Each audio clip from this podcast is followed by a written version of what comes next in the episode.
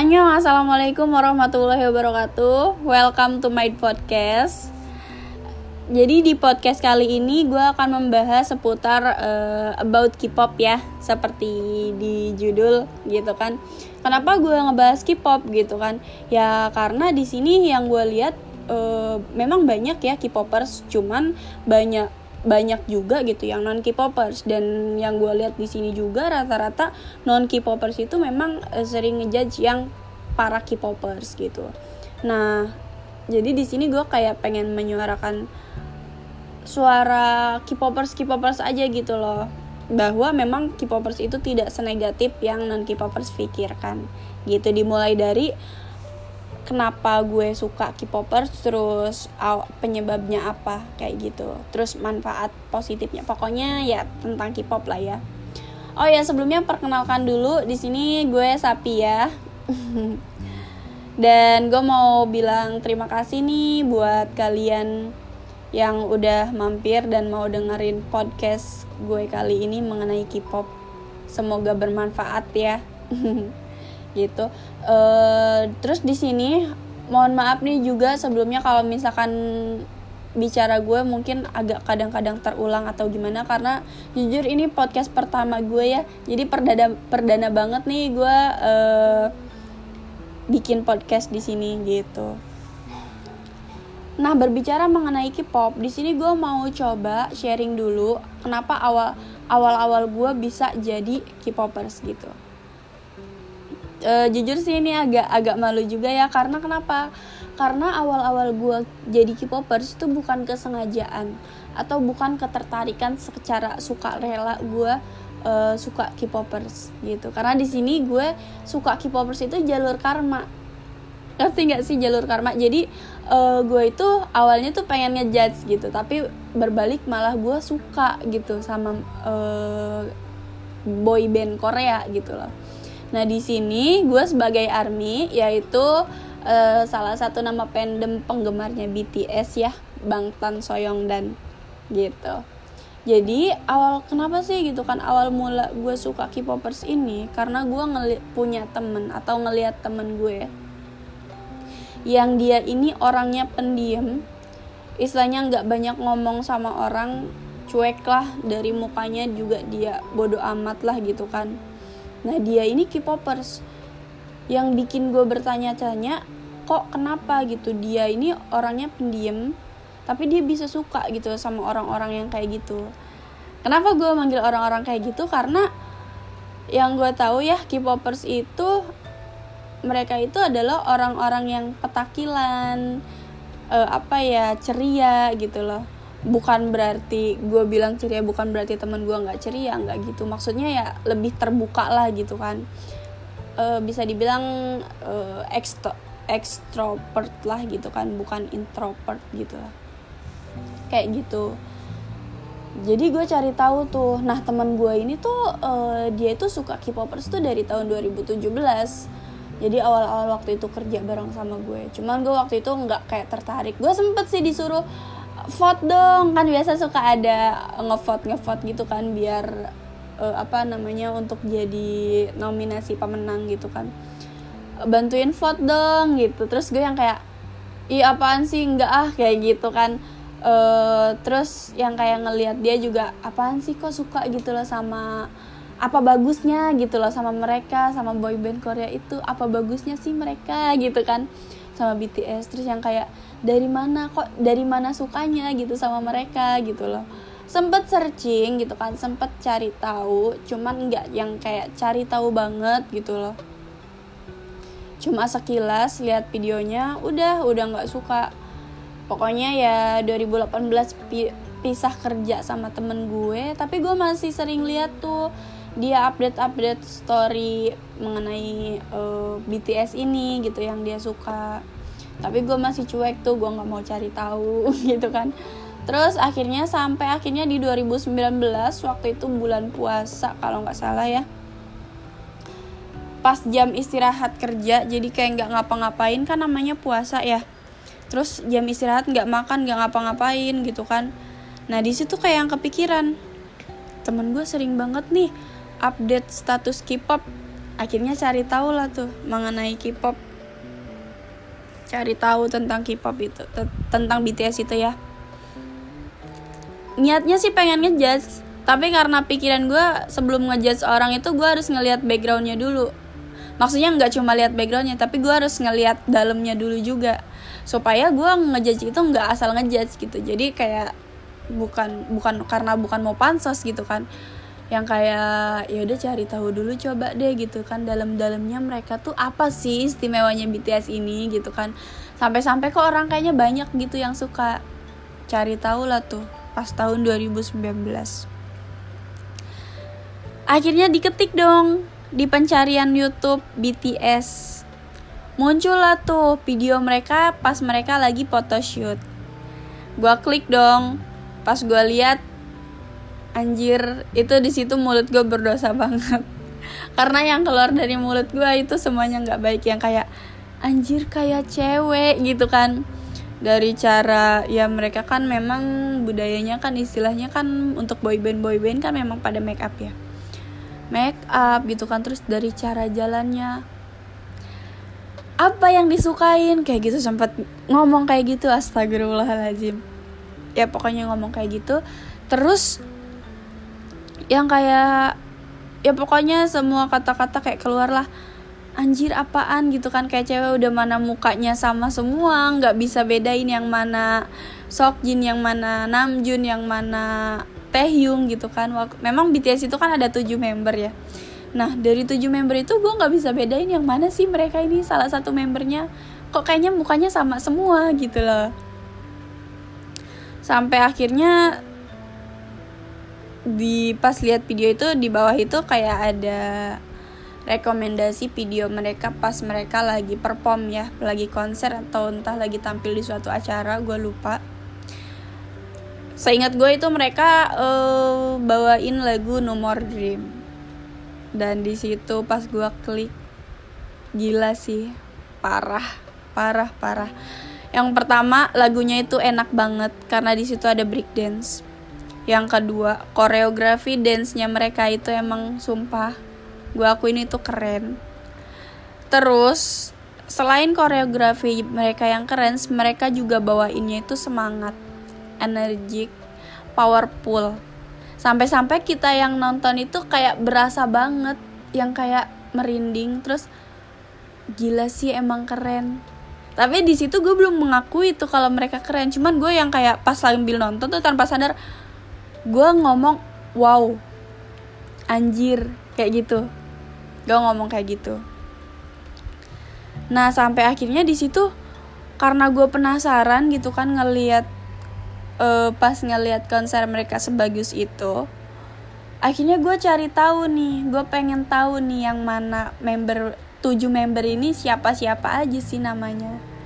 Gue cari tahu dong kan di situ membernya itu ada Kim Namjoon Kim Namjoon, Kim Sok Jin, Min Young Gi, Jung Ho Suk, Park Ji Min, Kim Taehyun, Jung Jungkook, Kim Taehyun kan jadi Kim Taehyung.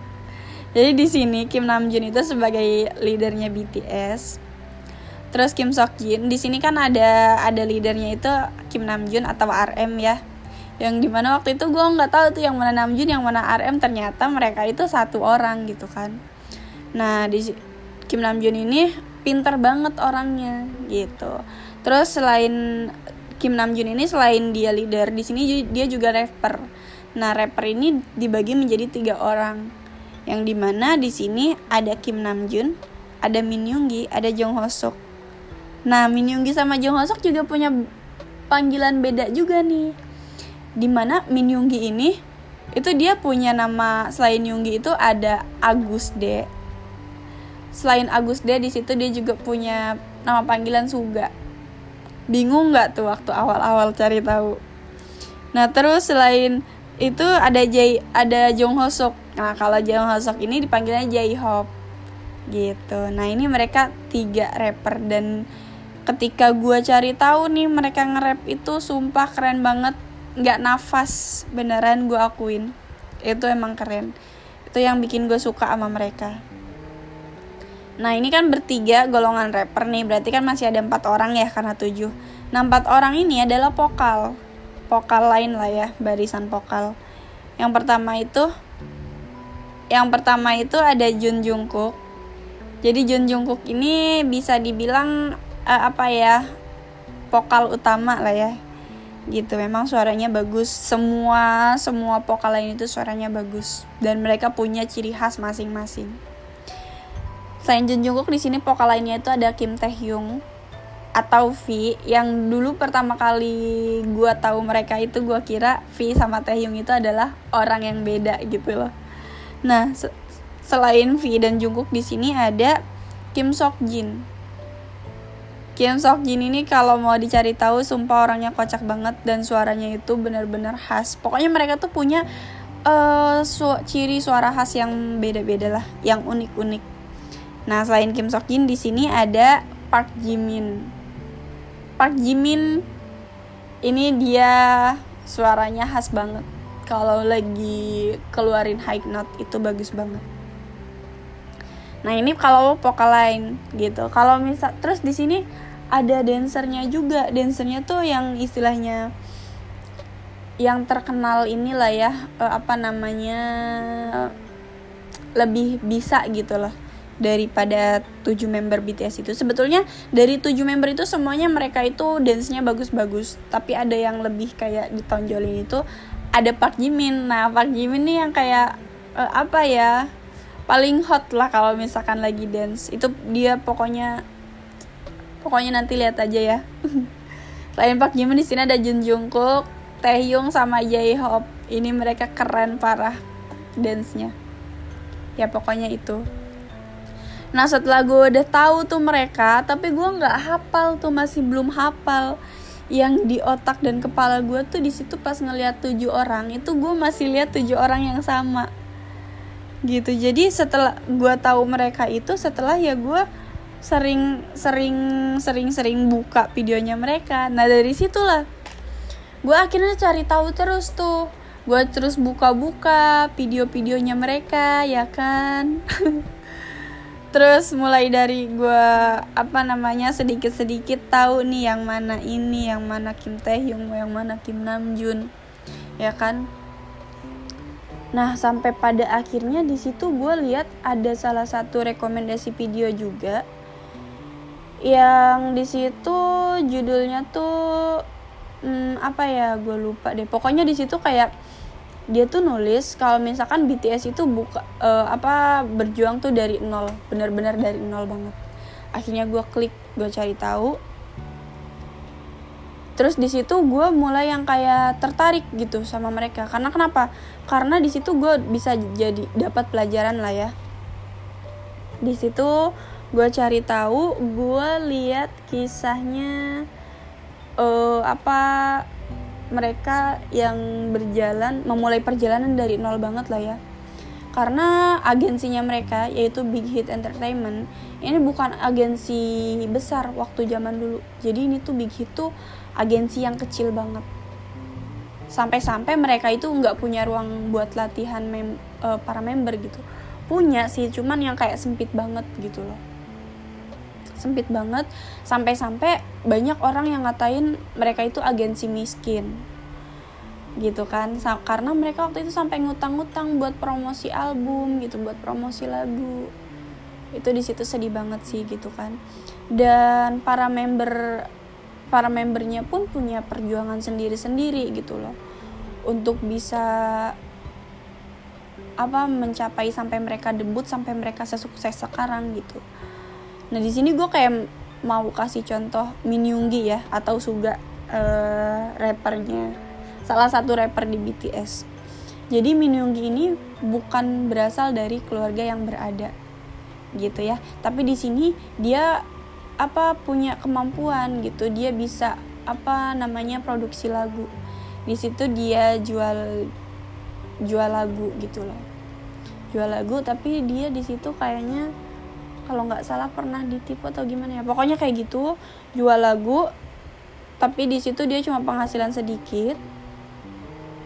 Nah dia hobinya dia ini hobinya dia ini kan di musik. Dari pihak keluarga dia itu nggak ada yang suka. Nggak ada yang suka tapi di uh, jadi dia nggak nggak dapat support secara dukungan ataupun finansial dari orang tuanya untuk dia masuk ke dunia entertain ini jadi dia di situ uh, apa namanya berjuang sendiri buat tembus ke dunia entertain ini. Dan dia di situ benar-benar yang kayak kesulitan banget di ekonomi. Sampai dia harus milih uang itu mau dipakai makan atau mau dipakai buat bayar bis bayangin. Dan dia juga pernah jadi pengantar makanan terus ketika dia perjalanan lagi mau ngantar makanan dia ditabrak. Ketabrak. Pokoknya mengalami kecelakaan sampai-sampai dia cedera di bagian punggung. Dan di situ orang tuanya nggak tahu betapa perjuangan seorang Min Yoongi uh, apa namanya kerja kerasnya seorang Min Yoongi nggak cukup sampai di situ penderitaan dia ya. Di situ dia juga menerima just dari haters gitulah ya. Just dari haters gitu ya. Pokoknya perkataan-perkataan yang nggak bagus lah ya untuk dia. Kayak gitu. Tapi di situ dia masih semangat tuh. Dia masih apa namanya mempunyai semangat lah gitu untuk di dunia musik ini. Walaupun dari keluarga nggak ada support gitu kan. Dia masih berjuang sendiri. Sampai dia pernah depresi segala macem gitu kan. Tapi dia tetap berjuang sendiri gitu. Nah selain selain Yunggi di sini ada juga leadernya yaitu Rap Monster ya. Jadi di uh, Rap Monster atau Kim Namjoon juga ya sama mengalami penderitaan yang sama di mana dia juga banyak banget nerima cacian dari para haters gitu. Nggak cuma cacian pokoknya itu cacian dalam bentuk fisik lah ya.